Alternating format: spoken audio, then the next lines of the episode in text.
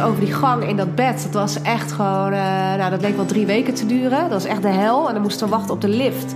En ik had zulke extreme weeën. En ik dacht echt, als die lift nu niet komt, dan uh, rol ik wel met bed en al naar beneden. Hoi en leuk dat je luistert naar Potnataal seizoen 2.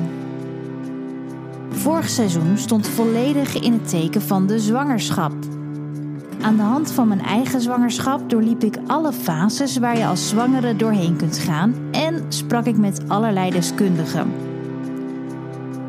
Seizoen 2 van Potnataal is een tikkie anders. Elke aflevering draait namelijk om één vrouw en haar bevallingsverhaal. En hoewel de uitkomst voor elke vrouw hetzelfde is, namelijk dat je moeder bent geworden, zul je horen dat ieder verhaal op zich weer uniek is. Ik hoop dat je steun hebt aan de verhalen van andere moeders en wellicht herkenning zult vinden in de verhalen.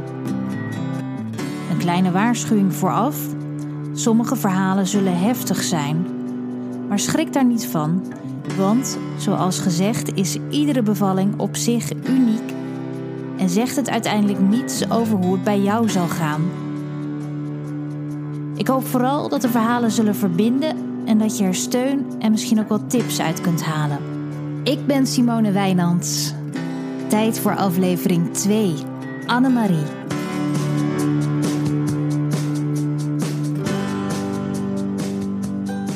Ik ben Annemarie Piepers, ik ben 35 jaar en ik woon in Zierikzee. Ik uh, werk in de bibliotheek. Ik ben op 29 april 2016 bevallen van mijn eerste kind, een zoon, Stag. Annemarie is niet alleen moeder van Stag, ze is ook al 17 jaar mijn liefste vriendin.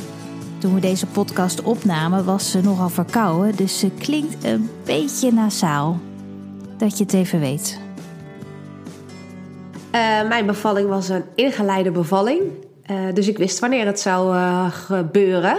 Wij moesten ons op 28 april s s'avonds om een uur of vijf melden in het ziekenhuis. En ehm, we wisten dus ook dat we daar sowieso een nacht zouden blijven. Want de bevalling zou opgewekt worden in eerste instantie door het plaatsen van een ballonnetje. En ik wist toen ook al dat dat de hele nacht zou blijven zitten. En dat er ja, vermoedelijk dus die eerste nacht verder helemaal niks zou gebeuren. Uh, ja, het zou kunnen dat ik daar spontaan weeën op zou krijgen. Maar dat was niet, lag niet heel erg in lijn der verwachting. Ehm, dus ja, eigenlijk was dat die dag de enige actie die er, die er uitgevoerd is. Ja, ja dus je, je ging eigenlijk gewoon zonder dat je nog ook maar tekenen had van dat er een bevalling zou beginnen dan ging je naar het ziekenhuis. Ja, ja. klopt. Enerzijds heel relaxed, want je kan dus echt op je gemakje je spulletjes pakken en uh, alles thuis netjes achterlaten. En, uh, maar het is ook een heel onwerkelijk gevoel, want uh, ja, je gaat zonder dat je inderdaad ook maar iets merkt van er gaat iets gebeuren. Je meldt je eigenlijk topfit in het ziekenhuis. Dat is een heel gek idee. Ja, ja. Had je zelf van tevoren nog het gevoel dat het misschien eerder zou kunnen gaan beginnen? Of uh, had je wel echt hierop ingesteld? Nou, nee, we hebben er wel alles aan gedaan. Ook om te proberen of het uh, niet gewoon eerder natuurlijk op gang uh, zou komen. Want ik zag die hele inleiding eigenlijk niet zo zitten. Maar uh, eigenlijk hebben wij vanaf de 20 weken echo te horen gekregen dat Stag uh, aan de grote kant zou zijn. Dus al vrij snel in de zwangerschap werd ook duidelijk van... joh, we laten jou niet uh, te lang doorlopen, niet tot 42 weken... want dan wordt hij gewoon te groot. Um, dus uiteindelijk heeft de verloskundige en de gynaecoloog... Die hebben toen de grens gelegd bij 41 weken. Dus ik wist wel van nou, als hij met 41 weken nog niet geboren is... dan gaan ze hem halen. En um, dus we hebben voor die tijd nog wel allerlei andere dingen geprobeerd. Uh, ik ben nog bij de verloskundige een paar keer geweest. En uh, daar hebben ze nog een aantal strippogingen gedaan. Uh, ja, dat is een beetje een... is dat een verhaal wat we gewoon uitgebreid moeten vertellen? Ja, of niet? Hoor, ja, oké. Okay. Nou, dan, dan toucheren ze zeg maar. En dan proberen ze... noemen we dat toucheren? Vaginaal? Ja. ja? Oh ja? Ja. En dan proberen ze handmatig een stukje bij de baarmoeder. Want... ja, een soort van weg te krabben of zo. Nou ja, technisch moet je het me ook niet helemaal uh, vragen. Maar de gedachte is dus dat daarmee de weeën soms op gang komen. En uh, dat, dat werkt ook eigenlijk pas nadat je de 40 weken gepasseerd bent. Omdat je dan vaak al een aantal centimeters ontsluiting hebt zonder dat je dat, dat weet. Ze moeten er wel bij kunnen natuurlijk. En in sommige gevallen werkt dat en komt de bevalling dan dus op gang. Of beginnen de weeën in ieder geval. Ze hebben dat bij mij een keer of drie geprobeerd. En alle drie de keren eigenlijk zonder resultaat. Behalve dat je dan wel een hele avond buikkramp hebt. En dat je denkt. Is het pijnlijk? Oh. Nou, het moment zelf is niet heel prettig. Maar ook niet extreem pijnlijk. Tenminste, zo heb ik het niet ervaren. Maar je zit daarna wel een aantal uren op de bank alsof je gewoon uh, heftig menstrueert, zeg maar. En dan zit je ook de hele tijd met een soort onrust van... gaat er toch wat gebeuren? Gaat er nou niets gebeuren? Zijn dit nou weeën of heb ik gewoon buikpijn? Dus ik vond dat, uh, ja, met terugwerkende kracht heeft dat wel voor heel veel onrust gezorgd toen. Uh, maar ja, aan de andere kant wilde ik er ook alles eigenlijk aan doen om die inleiding te voorkomen. En wilde ik gewoon het liefst natuurlijk dat het, uh, dat het zo natuurlijk ja. mogelijk zou beginnen. Ja. Maar dat gebeurt niet en dus vertrekken Annemarie en haar vriend naar het ziekenhuis voor een ingeleide bevalling. Ik had er wel een berusting in, want ik was met 41 weken ook wel echt goed klaar met die zwangerschap. Dus uh, ik was ook wel blij dat het eindelijk ging gebeuren. Ik dacht echt van, nou ja, we hebben er alles aan gedaan. En laten we, laten we hem nu maar gaan halen, want uh, ik uh, ben het wel zat. dus ik kon me er wel aan overgeven. Ik dacht wel van, ja, nu is het zo en laat maar gebeuren. Ja. Dat wel. En toen ja. was je daar met je tas. Ja. Die pak je uit en dan? Ja, ja dan zit je dus met z'n tweeën. Want gelukkig uh, Arnoud, mijn partner, die, mocht, die mag dan wel mee. Uh, in de meeste gevallen trouwens, is misschien goed om uit te leggen... als zo'n ballonnetje geplaatst wordt... mag je meestal gewoon weer naar huis om het af te wachten. Uh, die eerste nacht. Maar omdat wij wonen in Zierikzee... En het dichtstbijzijnde ziekenhuis is uh, 20 minuten aan een half uur rijden. Dus dat houdt in dat je ook eigenlijk niet thuis mag bevallen. Maar dus ook met dit soort ingrepen houden ze ook liever in het ziekenhuis. Omdat je gewoon uh, ja, eigenlijk te ver weg zit. Um, dus ja, je krijgt daar gewoon nog een prakkie, zeg maar. Je, weet je, ja, je markeert nog niks. Dus je, uh, je voelt je verder ook niet ziek of vervelend. Dus volgens mij hebben we daar gewoon nog gegeten. Toen we in het ziekenhuis aankwamen, uh, werd er, wordt er eigenlijk vrijwel direct een hartfilmpje gemaakt van het kindje. Om gewoon te kijken hoe de conditie is. En dat was de dag ervoor ook nog gebeurd. Want uh, de dag voordat je dan opgenomen wordt, willen ze ook even kijken wat de conditie van het kind is. Toen was er allemaal niets aan de hand en was die hartslag klinkklaar. En uh, ik denk dat wij nog geen half uur in het ziekenhuis waren en toen was de hartslag niet goed. Hmm. Dus dat was niet zo'n heel fijn begin. Want toen was het gelijk van, nou ja, ga maar op je linkerzij liggen en laten we even kijken hoe het dan gaat. En uh, nou, toen zaten daar gelijk al wat onregelmatigheden in dat ze al wel zeiden van nou dan moet je sowieso willen we dat blijven monitoren. Wat dus eigenlijk al betekent dat je aan je bed vastzit. Hmm. Want dan willen ze een plakker op het kindje plakken, zodat ze uh, constant die hartslag kunnen monitoren. En dat was al was ik al niet heel blij om, want je wil wel zo lang mogelijk een beetje kunnen blijven bewegen. Ja, ja. Zeker als je verder helemaal nog geen weeën hebt en zo en dat soort dingen. Is het heel vervelend als je natuurlijk aan bed gekluisterd uh, bent. Maar dat, mo dat mocht toen volgens mij na anderhalf uur of zo hebben ze toen. Uh, hebben ze toen in kaart gebracht. Toen waren ze weer gerustgesteld. Uh, toen was het verhaal van ja, kinderen hebben dat gewoon, babytjes hebben dat soms, omdat ze misschien een navelstreng even om de nek hebben of omdat ze gewoon, nou ja, kan gewoon gebeuren en prima. Was jij toen ook gerust? Nee, dat nee. is dus het ding. Want uh, als je dan al gehoord hebt van ja, het is niet goed, Uh, vond ik het ook wel weer heel spannend toen ze die monitor gingen afkoppelen. Want uh, ja, je hebt natuurlijk wel de beweging in je buik. Maar zeker met 41 weken wordt die beweging ook steeds minder. Want ze hebben gewoon minder ruimte. Mm. Dus uh, het, het, was al af en toe dat je dacht van, dat je onzeker wordt van... beweegt hij nog wel genoeg en heeft hij nog wel genoeg ruimte? Dus enerzijds gaf die monitor ook wel de geruststelling van... nou, in ieder geval gaat het nog goed met het kindje... Um, en aan de andere kant was het wel heel fijn, want daardoor kon ik dus wel gewoon, uh, ja, kon ik gaan douchen als ik dat wilde en kon ik uh, doen wat ik wilde eigenlijk. Want verder was het gewoon een hele saaie avond, want uiteindelijk hebben ze dus um, gecheckt uh, of mijn ontsluiting ver genoeg was om dat ballonnetje te kunnen plaatsen. Je moet daar iets van twee of drie centimeter ontsluiting voor hebben. Nou, die had ik al, dus dat konden ze vrij gemakkelijk inbrengen. Dat was ook niet vervelend. Dat moet je een beetje vergelijken met een tampon die, die ingebracht wordt. Daar voel je verder ook uh, niet zoveel van. En verder ja, was het dus gewoon, uh, gewoon afwachten. Ik had toen wel een vrij positief gestemde gynaecoloog. Die zei namelijk gelijk... Nou mevrouw, ik verwacht dat u hier wel weeën op krijgt. Dus dan denk je natuurlijk gelijk, nou laat maar komen, weet je wel. Maar zo ging het natuurlijk niet. Ze bleek het helaas mis te hebben en we hebben gewoon een avond uh, en een nacht af zitten wachten, want er gebeurde niets. Kon je wel slapen? Nee, niet goed. Nee, je ligt in een vreemde omgeving en je weet dat er, dat, dat er van alles staat te gebeuren morgen. En je denkt toch bij ieder buikkrampje wat je voelt uh, van... Uh, dit is het. Dit is het, gaat er wat gebeuren. Want er kwamen wel op die, daar had ze wel gelijk in, op dat ballonnetje kwamen wel een soort van oefenweeën. Maar die had ik in de weken daarvoor ook wel veel gehad. En die zette dan uiteindelijk toch niet door. Dan ging ik weer even douchen en dan zakte het toch weer af. Um, dus nee, ja, ik weet nog dat we echt... We hadden nog bedacht dat we Netflix gingen kijken op een iPad en zo. Maar ik kon echt mijn hoofd helemaal niet bijhouden. Door Annemarie's hoofd spookt op dat moment vooral de gedachte aan haar kind... die ze bijna zou gaan ontmoeten. Hoe zou hij eruit zien? Hoe zou hij ruiken? Klinken? Ondertussen doet het geplaatste ballonnetje zijn werk. Nou, er kunnen eigenlijk twee dingen gebeuren met zo'n ballonnetje. Of je uh, raakt hem vanzelf kwijt. Dat houdt in dat je ontsluiting al zo ver gevorderd is dat ze direct kunnen overgaan tot het uh, breken van de vliezen. Uh, bij mij was hij niet er vanzelf al uitgevallen, maar ik voelde al wel dat hij heel los lag. Dus ik dacht al wel van, nou, volgens mij zit dat wel goed. En dat was ook zo. Uh, dus ze hebben dat ballonnetje verwijderd. En daarna had, ja, ik weet eigenlijk niet precies hoeveel ontsluiting je dan hebt. Maar in ieder geval was het genoeg om uh, de vliezen te kunnen breken. Dus dat is toen s ochtends om half negen gelijk gebeurd. En uh, nou, ja, dan is het dus de vraag: wat gaat je lichaam nu doen? En, um, en, je vliezen breken, hoe doen ze dat dan? Ja, dat doen ze met een soort haaknaaldje. Maar dat, ja, dat, dat voel je niet. Tenminste, ik kan me niet herinneren dat ik er iets van gevoeld heb. Het is alleen gewoon een hele rare gewaarwording dat er ineens hele liters. Uh, ja. Dat was bij mij echt. Ik had ook echt een toeter van een buik met echt enorm veel vruchtwater.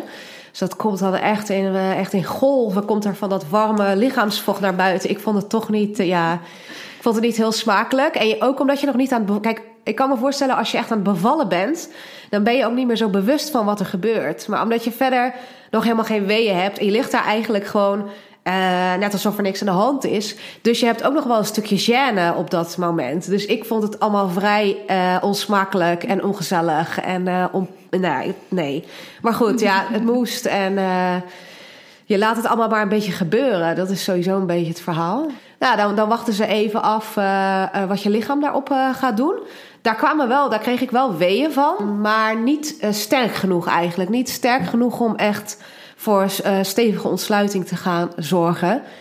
En uh, nou ja, wat ik uh, zeker met terugwerkende kracht wel jammer vind aan zo'n ingeleide bevalling, is dat er ook natuurlijk gewoon weinig tijd is om de natuur zijn gang te laten gaan. Want je ligt daar nou één keer. Ze hebben jou gewoon ingecalculeerd van, nou, die komt voor een inleiding, daar trekken ze zoveel uur voor uit. Nu stel ik het even heel zwart-wit, want tuurlijk kijken ze ook wel naar je, hoe je lichaam het doet en naar, je, naar jou als geval apart. Maar uiteindelijk is het natuurlijk ook gewoon business voor hen. Moet, moet die kamer weer leeg. Ja, die verloskamers lagen ook allemaal bomvol toen wij er waren. En dan is het toch op een gegeven moment dat ze zeggen... ja, jonge dame, het gaat gewoon niet snel genoeg. En uh, ja, nou ja, dan komen de weeënopwekkers erbij. Weeënopwekkers. Ik heb ze zelf ooit ook gehad. En ik zal je eerlijk zeggen... ik moet de eerste vrouw nog tegenkomen... die er vrolijk van werd toen ze ze kreeg.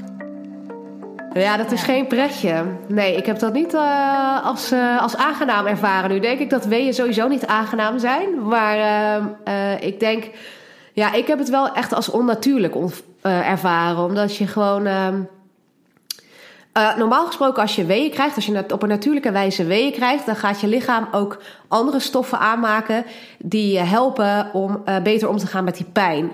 En uh, hoe ik het ervaren heb, is dat het gewoon te snel ging voor mijn lijf om erop te anticiperen nog. Ehm, en toch ging het de, de artsen niet snel genoeg. En kwamen ze iedere keer weer terug de kamer in van ja, we gaan toch de intensiteit weer opvoeren. Want je ontsluiting vordert niet snel genoeg en de weeën zijn niet sterk genoeg. Dus iedere keer wanneer ik zelf al dacht van, oh, ik kan eigenlijk niet meer, dan gingen zij nog een, uh, een tandje harder. In de lage doseringen dacht ik nog wel van, oké, okay, nou dit kan ik nog wel met ademhalingsoefeningen en met uh, soort van mindfulness-achtige gedachten kan ik hier nog wel mee dealen. Maar op een gegeven moment uh, waren ze een soort van alles overheersend en waren ze altijd en overal. En zat er ook niet meer echt de adempauze tussen. En uh, ja, ik ervaarde het ook, ook heel erg alsof het van buitenaf kwam. Alsof mijn lichaam het niet zelf zo wilde. Maar uh, dat, ja, ik kon me daar ook niet uh, echt aan overgeven of zo. Uh, je hoort ook vaak van, nou ja, als je wee hebt, daar moet je maar aan overgeven. En, want dan, dat zorgt ook voor dat, het, dat je ontsluiting beter op gang komt en zo. Maar het voelde voor mij eigenlijk gewoon vanaf dat ik aan die weeënopwekkers ging als tegennatuurlijk. En als, hé, uh, hey, dit gaat eigenlijk voor mijn lichaam veel te snel. En uh, nee, ik kon het gewoon niet goed opvangen. En toen om een uur of half twee volgens mij, toen uh, kwam de gynaecoloog zelf en die zei... ik denk echt dat jij nu het best af bent met een ruggenprik. En dat vond ik even heel moeilijk, want ik had mezelf heel erg voorgenomen om, om dat niet te willen en om dat niet te doen. En om het allemaal uh, zo natuurlijk mogelijk te laten verlopen. Maar ja, helemaal waarom, waarom wilde je dat? Ja, dat zat echt tussen mijn oren. Ik dacht echt van ja, een ruggenprik dat is voor, uh, voor watjes. Uh, een bevalling, doe nou één keer zeer en ga er maar aan staan. Want ja, het is gewoon wat het is. En uiteindelijk moeten we het allemaal... ieder vrouwenlichaam is erop gebouwd. Dus waarom zou ik dan een ruggenprik nodig hebben? dus ik vond dat ook... Ik moest daar even over nadenken. Ik vond dat heel... ja, vond het wel heftig dat het soort van als, als ja, eigenlijk als een dwingend advies werd het, uh, ja, werd het neergelegd. Van joh, als je dit nu niet doet, dan uh, wordt je bevalling echt te langzaam.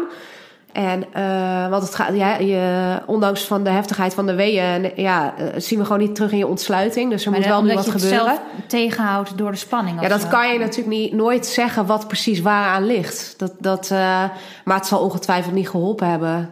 En uh, wat ik uh, achteraf wel heel erg van baalde, en daar heb ik ook nog wel achteraf na mijn bevalling over gesproken, is. Uh, ik vond het toen op dat moment en voelde ik het echt als een soort falen.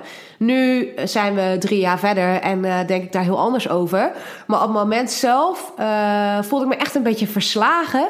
En echt een beetje een watje dat ik die ruggenprik nodig had. En uh, eigenlijk pas na mijn bevalling, die heb ik toen nog telefonisch nabesproken met, uh, met de verloskundige die verantwoordelijk was en de gynaecoloog. Omdat het uiteindelijk allemaal nog best wel heel heftig werd. Maar dat later. uh, maar toen werd er ook ineens in dat gesprek gezegd: ja, maar vrijwel alle inleidingen eindigen in een ruggenprik. En toen dacht ik, maar waarom heeft niemand mij dat dan van tevoren gezegd? Want het had denk ik mentaal voor mij wel heel erg uitgemaakt. Het urenlang weeën opvangen begint zijn tol te eisen bij Annemarie. Ik was natuurlijk versleten. Ik, had, uh, ik lag daar vanaf de avond daarvoor. En ik had niet geslapen. En uh, die weeën werden gewoon extreem opgevoerd. En ik voelde ook wel aan mijn lichaam dat het redelijk op was. Dus ik kon ook wel inkomen. Ik kon wel vrij snel maar bij die beslissing neerleggen. Ik kon op dat moment zelf dacht ik wel van, nou laten we dat dan maar doen, want dat kindje moet eruit. En uh, als iedereen nu denkt dat dit de beste manier is, dan moeten we dat zomaar doen. Nou, en toen ik één keer dat had gedaan, toen was het echt een soort van verlossing. Toen dacht ik echt, oh, dit is echt de hemel. Had ik dit maar twee uur eerder gedaan. Want het is wel echt alsof er een soort van alle scherpe kantjes ervan afvallen. En ik uh, kwam ook echt terug met allemaal praatjes. Ik had echt uh, opeens weer praatjes voor tien en kleur op mijn wang. En ik dacht, ah, die bevalling, die ga ik ook nog even doen. Dat, uh, ik zag het ineens weer helemaal zitten. Hoe ging dat met die ruggenprik? Want dan moet je ergens anders naartoe. Ja, dan word je, ja, dan word je weggereden naar de kamer waar, ja, waar alle anesthesie wordt toegepast. Zeg maar, ook gewoon voor reguliere operaties. Dus dan word je even weggereden. Dus voor Arnoud was dat wel heel spannend, want die bleef toen alleen achter. En je bent dan denk ik toch al met al, denk ik, zo een uur weg. Ja, uh, je hebt als je aan het bevallen bent niet zo'n tijdsbesef. Maar volgens mij uh, ben ik best wel eventjes weg geweest. Dus um, ik denk dat het voor Arnoud spannender was. Um, ik weet nog wel dat die, die, uh, die tocht over die gang in dat bed... dat was echt gewoon... nou, dat leek wel drie weken te duren. Dat was echt de hel. En dan moesten we wachten op de lift. En ik had zulke extreme weeën. En ik dacht echt als die lift nu niet komt, dan uh, rol ik wel met bed en al naar beneden. Want ik trek het gewoon niet langer, dat. Ik vond het wel heel... Uh, de pijn was toen wel heel erg extreem. Uh, maar ja, op het moment dat ze dan zo'n spuit zetten... dan is het ook ja, alsof in één keer al die... Scher nou, wat ik zeg, als die scherpe randjes ervan af zijn. Want ik heb het niet ervaren alsof je dan niks meer voelt. Ik voelde nog steeds ook wel mijn weeën. Maar uh, dat schijnt trouwens ook bij iedereen anders te zijn. Maar dat vond ik het, het prettige daaraan is dat ik altijd wel ben blijven voelen dat mijn lichaam bezig uh, was. En dat ik uiteindelijk ook prima heb kunnen persen daarop, zeg maar. Um, maar dat gewoon echt dat hele alles overheersende dat je gewoon vergaat van de pijn, zeg maar. Dat was echt wel verdwenen nadat ik die ruggenprik had gekregen.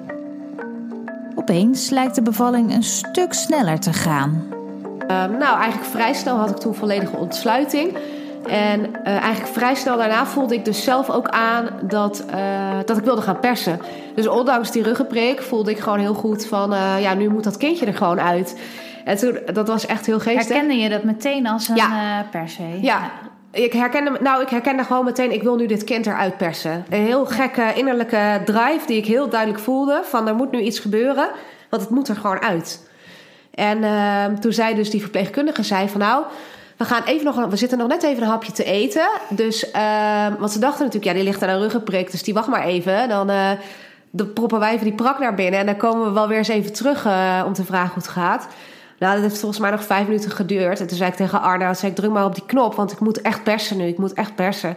Nou, dus die hebben de prak uh, gelaten voor wat het was. En die zijn teruggekomen. En uh, nou, toen ben ik begonnen met persen. En dan doseren, zetten ze ook de dosering van de ruggenprik later, lager. Dus dan ga je ook wel uh, zelf weer beter je weeën voelen. Ehm, maar dat is echt een stuk wat ik me gewoon niet meer zo goed herinner. Dat klinkt heel gek, maar ik als je me nou vraagt, had je toen heel veel pijn? Of uh, was dat toen iets heel ingewikkelds of zo? Dat is gewoon een beetje buiten me omgegaan of zo. Het einde van de bevalling lijkt in zicht te komen en Annemarie werkt keihard. Maar. Het persen schoot niet echt heel hard op. Ik heb volgens mij een half uur geperst eh, zonder heel veel resultaat. Toen hebben ze de gynaecoloog er maar weer eens bij gehaald. En die zei toen ook van ja, het kindje ligt nog vrij hoog. Dus ik laat je nog heel even doen. Uh, kijk nog maar een half uurtje aan of het gaat. En anders dan moeten we misschien toch gaan ingrijpen. En toen dacht ik dus echt, oké, nu ga ik echt een half uur alles op alles zetten. Want ik zag echt die keizersnee, zag ik als een soort enorm spook om de hoek op de gang. En ik dacht, uh, dat gaan we niet doen. Dus ik heb echt nog uh, een half uur echt gegeven wat ik kon. Maar ja, als je dan al, dan zitten we dus, dit was denk ik om uh, 7, 8 uur s'avonds. Dus dan ben je al uh, 26 uur in het ziekenhuis, 27 uur. Dan is je lichaam redelijk klaar, zeg maar. En ik merkte ook zelf al na een uur dat het persen gewoon, uh, dat er gewoon minder kracht was in mijn lijf. En toen uh, ging het niet goed met de hartslag van de baby. Terwijl het keizersnede spook nog steeds ongeduldig op de gang staat te wachten, stroomt de ziekenhuiskamer opeens vol met mensen. Toen is de gynaecoloog ook naar mijn kamer gekomen en een kinderarts. En ja, nou, volgens mij er waren heel veel mensen. Ik, ik denk een stuk of acht. Ik, ja, dat is dus dat gaat allemaal een beetje langs je heen. Het gekke was ook dat ik daar niet echt heel angstig over was. Want ik dacht gewoon van, uh, ja, ik ben dit nu aan het doen. En het komt wel goed of zo. Al die mensen zijn er omheen. En uh, ik heb nooit heel erg angst ervaren. Misschien als je dat aan Arnoud zou vragen, die ernaast staat, uh, dat dat misschien anders is. Maar, uh, niet, niet voor jezelf, maar ook niet voor de baby. Nee, nee. Terwijl het toch best wel spannend was en er veel mensen op de kamer waren. En er zo'n zo'n zo'n crashcar naar binnen werd gereden. Van, hè, eh, als het kindje straks beademd moet worden. Uh, nou ja, iedereen en alles was er, zeg maar. Maar toch heb ik dat niet heel, als heel paniekerig of angstig, uh, angstig ervaren. Nee, ik denk dat je gewoon er was een soort knop op in mijn hoofd wat echt alleen maar bezig was met, nou, dat kind moet eruit. Ja, je Linksom of rechtsom. verdwenen eigenlijk. Ja, ja. en uh, het zal me echt worst wezen wie er verder allemaal in die kamer uh, staat. Um, dus toen hebben we het nog een paar keer mocht ik het proberen. En toen zei de uh, gynaecoloog, zei, ik denk dat ik je kan helpen met een vacuümpomp en dat een keizersnee dan niet nodig is. En toen zei ik, nou, dan dat liever. Uh, daar heb ik achteraf nog wel eens van gedacht, uh, was dat de juiste beslissing? Maar uh, toen dacht ik alles behalve een keizersnee. Dus nou, toen is dus de vacuümpomp eraan te pas gekomen. En toen was het nog wel iets van drie tracties of zo noemen ze dat dan officieel. Voordat uiteindelijk Stag geboren werd. Want, want zo'n vacuümpomp, heb je hem ook gezien? Of nee, en ik denk ook dat dat goed is. Want Arnoud heeft dat allemaal wel gezien en die heeft daar niet hele leuke herinneringen aan. Maar het is volgens mij moet je het gewoon een beetje vergelijken met zo'n wc-ontstopper. Uh, ja, ze zetten een soort van zuignap op het hoofd van de baby met daaraan vast een soort van uh, tang. En, en daarmee trekken ze het kind als het ware door de geboortegang naar buiten op jouw weeën, dat wel. Dus het is niet zo dat je zelf niks meer hoeft te doen. Want anders krijgen ze ze natuurlijk nooit, nooit eruit. Maar nou, dat duurde toch nog wel een keer of drie, vier. Wat ook nog best wel lang is voor een, voor een vacuümpomp bevalling schijnt. Ehm, en maar toen is het toch, uh, toch geboren. Uiteindelijk om kwart voor negen s'avonds.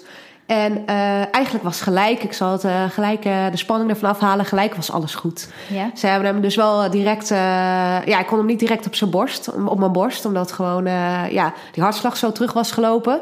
Dus ze hebben wel direct, heeft de gynaecoloog ook, oh ja, vergeet ik ook detail, zijn navelstreng zat dus inderdaad om zijn nek. Dus uh, de gynaecoloog heeft als een idioot die navelstrengen losgetrokken. En toen ging hij eigenlijk gelijk huilen. Dus dat is ook natuurlijk een goed teken. Toen is hij dus wel direct door die kinderarts daar op die crashcard onderzocht. En toen had hij gelijk eigenlijk een score van 9 uit 10. Dus uh, het was wel gelijk duidelijk van... Uh, oké, hij heeft het een beetje benauwd gehad. Maar hij heeft verder geen, uh, geen spannende afwijkingen... of hij heeft verder geen schade ondervonden. Dus heel snel daarna... Ja, voor mijn gevoel is dat echt minutenwerk geweest hoor. Dat doen ze toch wel heel snel, want voor mijn gevoel had ik heel snel mijn kind wel, uh, wel bij me. En ik heb niet het gevoel dat ik daar met lege armen lag of zo. Dus dat is, dat is echt, ja, minutenwerk, denk ik. Heel snel gegaan. En dat moment dat hij echt, dat hij opeens er was, dat hij uit je kwam, kun je, kun je dat nog terughalen? Weet je nog wat je toen voelde? Toen was het een soort van uh, een, het was vooral enorme verbazing. Ik weet nog, ik werd wel direct heel emotioneel. Ik moest wel gelijk brullen. Maar ook uh, een heel onwaarschijnlijk gevoel dat je denkt: hè, is dit. Uh, dit, is dus mijn kind. Maar wel op een hele mooie, liefdevolle manier. Niet dat ik me vervreemd van hem voelde, maar wel. Ik was gewoon zo verbaasd en ontzet dat dit mijn kind was. En dat dat uit mij was gekomen. En dat het allemaal gelukt was. En dat er tien vingers aan zaten en tien tenen. En dat het, uh, dat het huilde. En dat het gewoon. Nou ja, ik vond het heel onwaarschijnlijk. Dat, het is niet te vergelijken met wat voor liefde je in je leven ooit eerder hebt gevoeld. Ik had wel direct heel sterk het gevoel van: oh ja, dit hoort bij mij. En op echt op een niveau wat je niet, denk ik, echt ook in woorden kan, uh, kan uitdrukken. Hoe magisch het voor de eerste keer je kind ontmoeten ook is en hoeveel het de pijn ook wegneemt, de realiteit blijft dat je lichaam een behoorlijke klap te verduren krijgt. Zeker ook bij Annemarie. Uh, nou, ik was toen echt helemaal high van de adrenaline. Dus ik dacht echt, nou joh, ik heb gewoon een kind op de wereld gezet. Ik kan de, ik kan de wereld aan. Maar uh, je zult vast begrijpen, het was niet vrij van daaronder. Want het was natuurlijk van allerlei hulpmiddelen aan te pas uh, gekomen. Dus ik lag echt van voor naar achter open. Dus ze zijn nog ruim anderhalf uur met mij aan het hechten geweest. Doen ze dat gewoon daar dan ook ter plekke? Ter plekke, ja. Dan moest echt ter plekke gehecht worden. En daarvan, dat klinkt dus nu ook als ik dat zo tegen je zeg, dan denk ik: wow, wat heftig. Eigenlijk anderhalf uur hecht zijn, dat moet ook zeer gedaan hebben. Uh, maar dat weet ik niet meer. Dat is dus gewoon, je lijf is zo overspoeld uh, van uh, ja, alles wat, alle emoties en alles wat er gebeurd is, dat je daar eigenlijk gewoon. ik heb er weinig van meegekregen. Je kan best wel een tijd voort op adrenaline. Ik denk pas toen ik een paar dagen thuis was, dat toen pas de dip kwam en het besef kwam. En uh, ook wel van, joh, het is toch wel heel spannend geweest. En dat stukje verwerking en zo, dat is echt pas later gekomen. Ja, ja. Dat, uh, ja, ja. Dat, het is wel iets waar, wat heel lang bij je is gebleven en waar je niet, niet altijd zo positief als nu op terugkijkt. Nee, nee, nee. het was natuurlijk in die zin wel. Uh, ik heb het zelf heel lang niet zo willen noemen, maar uiteindelijk wel geleerd dat ik het zo mag zeggen. Het was uiteindelijk best wel een traumatische gebeurtenis. Zo traumatisch dat Annemarie uiteindelijk zelfs besloot professionele hulp te zoeken. Dat heeft haar uiteindelijk enorm geholpen om met een beter gevoel op haar eerste bevalling terug te kijken. Ondanks dat heeft ze wel het gevoel dat het ziekenhuis haar toen de juiste zorg heeft geboden. Wat ik overigens wel heel prettig vond, was dat het ziekenhuis dat ook echt direct realiseerde dat het een, uh, dat een heftige bevalling was. Dus zelf toen ik uh, zelf nog vrij laconiek over was, waren zij al wel bezig met. Um, joh, dit moeten we wel goed afronden in een persoonlijk gesprek. En um, ik weet ook nog dat die avond zelf is de gynaecoloog ook nog meerdere keren op de, op de kamer geweest. Om te kijken hoe het ging. En ook om te vragen hoe ik het allemaal ervaren had. Nou ja, ik zat toen op zo'n enorme roze wolk dat ik, uh, al had die man mishandeld, had ik waarschijnlijk nog gezegd dat hij het beste werk van de wereld had verricht. Dus dat is eigenlijk pas later gekomen. Maar uh, vanuit het ziekenhuis heb ik daar wel heel veel steun in ervaren. Want Um, ergens in de loop van de kraamweek is er dus ook inderdaad een uh, telefoongesprek in eerste instantie geweest met de hoofdverpleegkundige. Waarin we gewoon echt nou ja, bijna zoals ik nu met jou, die ook echt de tijd nam. Ik denk dat we minstens een uur aan de telefoon hebben gezeten. Waarin we heel die bevalling van stap tot stap nog eens hebben doorgenomen. En uh, ook met elkaar hebben besproken van, nou ja, en toen gebeurde er dit. En hoe heb je dat toen ervaren? En toen gebeurde er dat. En moet zeggen, dat stukje nazorg is toen wel, is wel heel belangrijk geweest voor het verwerkingsproces. En dat klinkt nu heel zwaar, verwerkingsproces. Maar dat is wel uiteindelijk wat het wel geweest is. Dus uh, ik denk wel dat het heel goed is dat zij zich daar zo bewust van waren. En later uh, op nakontrole met de gynaecoloog en zo, na zes weken uh, moest ik uh, terug op controle. Is dat ook nog heel uitgebreid besproken met hem. En ehm, nou ja, zijn er bijvoorbeeld ook direct, uh, wat ook heel prettig is, hele geruststellende woorden gezegd uh, ten aanzien van een eventuele volgende bevalling. Uh, waar je na zes weken echt van denkt, nou, never nooit meer. Maar ehm, ik herinner me nu nog heel goed dat die gynaecoloog toen direct zei van, joh, je moet wel weten, een vacuümpomp is eigenlijk bij een tweede bevalling nooit nodig. En ehm, dat zijn dingen waarvan je op dat moment denkt, waarom zeggen ze dat? Maar waarvan je soms jaren later, als bij jezelf weer een kinderwens gaat leven of zo, waarom je dat je gaat denken van.